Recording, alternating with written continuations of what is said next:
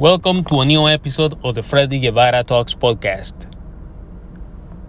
There are many authors, entrepreneurs, and self made millionaires that criticize education. They argue that education doesn't teach you how to become a millionaire, that doesn't teach you about enough about finance and how the money works and try to tell you that education doesn't matter. Let me tell you something.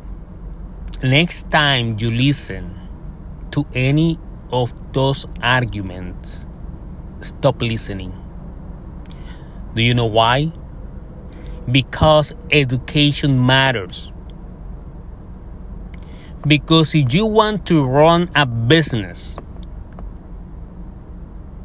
you don't need a process of 5, 3, 10, 20 steps to start a business. What you really need to be successful in a business world is education because you need to learn the foundations of how a business operates in the world. You need a solid foundation of how business interact with economics, with politics, with technology. What is the dynamic of the markets around the world? You need a solid and full understanding of how businesses can provide a well being to our communities and society. If you follow a step process of 10 step process, are you sure you want to become a great business owner? It doesn't work like that. It doesn't work like that. So, next time, stop listening. Education matters. We need to stop that argument that education doesn't matter. Education does matter. Education matters. Education is important. You need to understand, you need to fully understand how a business operate in the market. You need to learn how to manage a business, how to manage resources, how different conditions in the context you operate impact the performance of your business. For example, the COVID.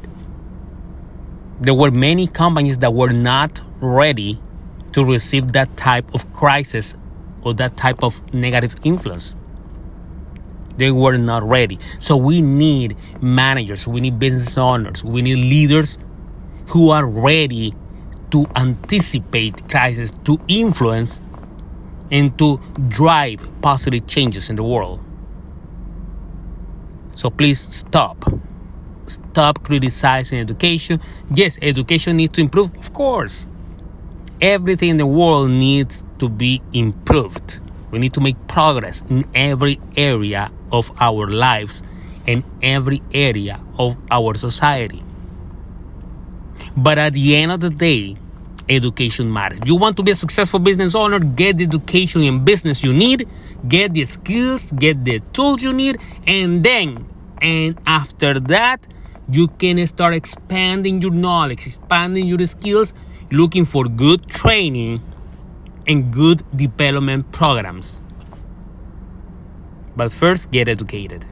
Because at the end of the day, education matters for a free and prosperous society.